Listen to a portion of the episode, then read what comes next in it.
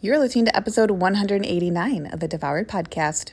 Welcome to Devoured, the podcast for women like you who have tried restrictive diet after diet and are ready for simple solutions and resources to help you lose weight for the last time from a place of abundance and peace. If you're looking to end the yo yo of comfort eating and rigid weight loss protocols and instead step into living your life on your terms while losing weight in the process, you're in the right place. Party people, welcome to the show. Hope you're doing great. Hope you are splendid. Hope you are rolling with the punches of, you know, the winter and the winter of another year of a panini press. Someone said that like once, you know, instead of like saying pandemic, they said panini press on Instagram so that the algorithm wouldn't, you know, read the text. And I thought that was so funny.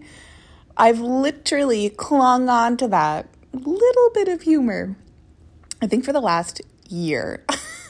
I think someone called the pandemic a panini press over a year ago, and I still find it hilarious. So I'm still going to say it regardless. I personally will, will share that it's it's been an interesting couple of weeks. I have had mostly really neutral like you know, very safe in my house, very safe just across the board, lots of privileges that I am so lucky to have that afford me a pretty comfortable experience through this pandemic, kind of any way you slice it. And at the same time, and I think a lot of you feel similarly, like when I when the pandemic comes up, when I talk about it with my clients or just with acquaintances and friends, with any of you, if we're talking in the DMs or like what have you, I think a lot of us are in a similar boat. And part of our own work is allowing things to be tough when they are tough without having to like you know, shine them up and make it so, like, you know, having to remind yourself, oh, but I'm so lucky. Oh, I can't complain. Or, oh, this or that. Anyway, I've been feeling like pretty great the last couple of weeks. It was really refreshing coming back from Florida. And at the same time, I've been in a bit of a lull. And it took me, and the reason I'm sharing this is just to say, like, we all get to be human, and I get to remind myself of that too I had to remind myself that I get to afford myself not only the privilege of moving through this time in the way that I can, but that also means that I can, if I would like, choose to lean on the privilege of allowing this time to be a bit of a hibernation. And when I realized that, it was kind of like last week. I hit a bit of a just a wall that surprised me. And it wasn't a big, profound wall, but it was there. Was, it was like a, a, a, hurdle, you know. And I was like, "Oh, I just tripped over it. Hi, didn't didn't see you there." And I really had to be with that feeling of a little bit of grief around, like, it's such a privilege to have this hurdle, and I still don't want it. And what is it asking from me? What can I offer it that's going to offer something for me? And that was a feeling I needed to be around and with in order to sink into oh my gosh, if I'm feeling low energy during still pretty much the darkest time of the year, we've got what, 15 more minutes of light these days than we used to. Okay, be tired. You want to just wake up when you wake up on the days where you're able to do that? Okay, do that. Is it even sleeping in or is it just sleeping enough? You know? You want to go to bed early some nights and you want to stay up late watching a movie the other night? Great. None of that is a problem because you'll self regulate. And that is a theme that I wanted to offer today before we get into the subject of the podcast. But I just wanted to offer that. It's like, what if you could just trust that you will self regulate? Trust is a big subject that my clients and I come back to pretty often. I was just actually had a client call today uh, where we were talking about trusting, trusting not only our hunger, but also our appetites, and trusting that our appetites will change month to month, right? Even for those of us who have menstrual cycles. But it also might change when you are battling a little bug or when you're a little bit stressed. And you don't have to chase your appetite or your hunger, but you can become aware of it. Allow it to not be a problem when it fluctuates and just expect, of course, of course, I'm going to have an appetite who will have some fluctuations. If it surprises me, it doesn't necessarily mean it's bad, it's just an invitation into being with that. And so, along those lines, today's episode, we're talking about creating goals from possibility. And I found this to be fitting because when you're stressed out, when you're feeling overwhelmed, when things are feeling chaotic, when you feel like life is way too lifey, guess what? Any goal is going to feel really far away, unachievable, and the idea of being in a place of creation of a goal. And I'm going to use a weight loss goal here for ease of example, but use this for whatever comes up for you. It doesn't have to be a hard and fast weight loss goal right? A scale number goal, a clothing size goal, a functional feeling goal. Whatever it is, I want you to hear today that goal creation is a creative process. I think we think it's a logical, analytical process. I don't know if that is how school taught us or if that's just how culturally we speak about things, or if that goal orientation becomes like part of our work identities, and then we have this relationship with goals that feels very much like we have to obtain them and obtain them, and if we're not, then we're not doing enough, and like we're going to be penalized for that. But I think a lot of goals, especially health or wellness goals or aesthetic goals, goals that are just for us by us, goals are creative. We're literally deciding to innovate when we decide upon a goal. And here's the thing if you think about an artist or someone who is outwardly quite creative,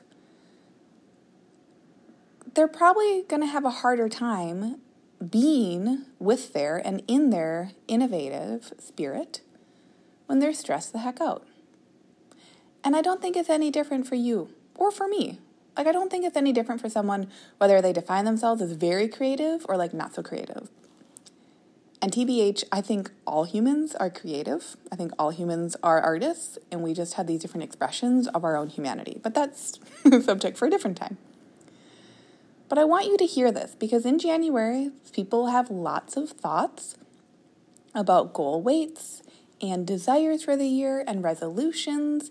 And this year, I know I, I think I talked about this earlier, and this is why I talked about the habit or brought up the habit honeymoon episode last week, is so often like the New Year's resolutions idea, there seems to be a couple camps. One camp is like, ah, January, fresh new start. I'm so excited. This is feeling nice to look forward and plan ahead. And then there's the other camp that's like, oh my God, I feel pressured. I don't want to try to like do one more thing. I'm overwhelmed.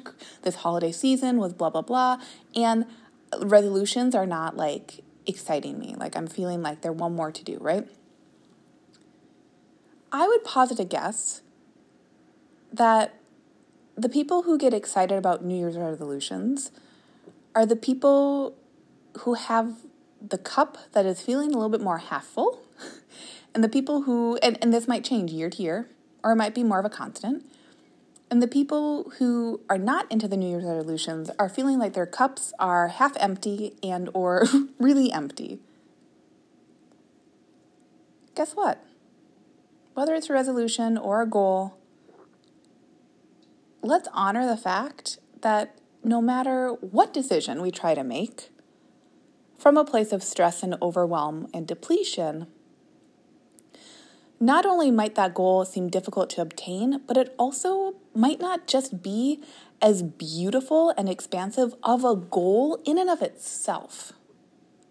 Because it's hard to be creative and it's hard to be innovative when you are lacking resources, which is what feeling burnt out, overwhelmed, depleted is. Think about that visual of depletion. Think about the visual being burnt out. when something burns, it's burning up, there's less of it. So, when you're coming to something like a weight loss goal or a clothing size goal, again, just going to use both of those because they're easy to talk about on this episode. number one, get curious about how you use that goal to motivate yourself. Is it exciting? Is it uplifting? Does it feel like there's a huge gap between you and the attainment of that goal? Do you feel like you see the steps to get there? Do you feel like you see maybe a step in front of you, which often is the case for a lot of people, and that's perfect. You don't need to see every single step all the way there. You might see a handful of them. You might just see the very first one. Great. Nothing's gone wrong there. But the creation of the goal itself, I would encourage you this week, when you're thinking about a weight loss goal, is get really curious about the level of possibility in which you are able to access the goal. Meaning, if you need some R&R, some me time, some I got this time, whether that looks like a bubble bath or that looks like canceling your plans or that looks like holding through with your plans and not canceling on them whether that means connecting with other people, even if it feels like it's a lot for your introvert self because of stories you're telling yourself. When you have that cup filled space, that is a space that I want you to be making your goals from. Not from a place of depletion, not from a place of overwhelm. And notice when you do, is there a difference? Is there actually a difference between you deciding, oh my God, you know what, this is what I want when I'm feeling full up and taken care of, when I'm loved up on myself? Even if I'm loved up 5% more, is there a difference between the goal that I desire for myself versus when I'm feeling depleted and overwhelmed and the goal that I would set from that place? I think this is a, I hope that concept makes sense because it is something that I encounter with clients and is really, really normal. And I, I, I'll keep talking about it. I think I'll make some posts on Instagram. Uh, and when I make posts on Instagram, I also make them on Facebook. They're fairly interchangeable. So I think I want to make some of those longer format posts that I tend to write about this concept because it's a little bit nuanced of really getting curious. Like, it's not only deciding to set a goal, right? I want to lose 20 pounds. Okay, fine. But it's also the energy of that goal. Why 20 pounds? What does it mean, right? Like we can think about the goal itself, but also once we sink into, oh, the place that I'm making the goal from, that will give us such a rich viewpoint, vantage point of what we think is possible. And listen, I'm not here to like blow smoke up whatever. of saying like just make big audacious goals and then always feel good and then you'll achieve them. That is not coaching. That is not life. That's not reality. I think that's bullshit. I say that as someone who has seen coaches coach in that way and i think that's really um, unreasonable in a not good way. I think that's really uh, disrespectful to the human experience but what I will say is this week, get curious about a goal that you've set for yourself and notice did I set that goal from a place of stress? Am I chronically stressed out? So is it like a kind of that subtle stress? When I'm in a place of embodiment, whether it's this week or next week, if I, I want to invite that in for myself, or if I feel like I just need to kind of hold through and it's a later on thing, regardless, what is it that is actually possible for me? Am I allowing myself to dream in that way? Am I allowing for things to be so good? Am I allowing for things to come to me from a place of curiosity, from a place of playfulness? That in and of itself is healing. That in and of itself is a way for us to take a break from the drudgery, from the grind. Because if you set a goal, lose 20 pounds, like I mentioned before, I'm going to lose 20 pounds. But you said it with the intention of like it's going to be real crummy to get there and I got to lose that 20 pounds because I need to look a certain way because if I don't, other people judge me and I'm not worthy until I hit this certain number. That goal is radically different than, oh, I want to lose 20 pounds because the way that I'll get there is by making really loving nutrition choices. And I know this for myself and I'm ready to do it. I'm ready to be with any emotion that comes up because I know I've got this. Even if I don't know the total path, I know that I can take it one step at a time and that I will get there. So think about that this week. What are my goals?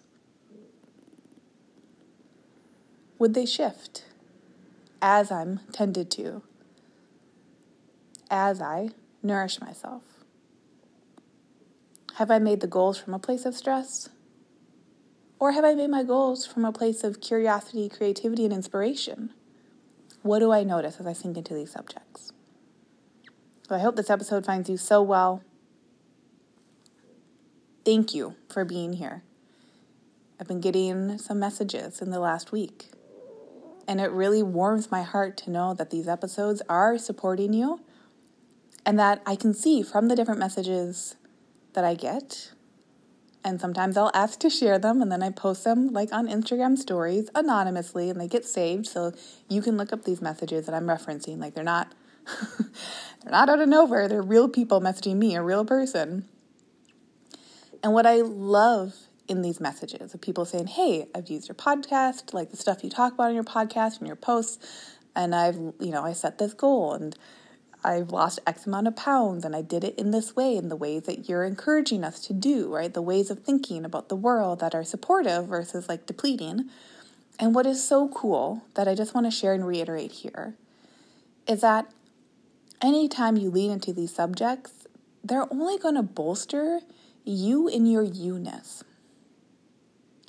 And even if the world has made that out to be the worst thing, I just want you to know right here, right now, that it is the most beautiful thing and that you are never going to lead yourself astray. You can't do that. Your nervous system, there's no there's no maybe I need to do an episode on this. There's no such thing as self-sabotage. There's only self-protection. There's only making decisions subconsciously or consciously from a place of safety. So the more we lean into ourselves, the more we're seeing, oh, this is why I was doing that. Isn't that so interesting? The more it's a homecoming. So I hope you feel that when you're also exploring in these goals this week.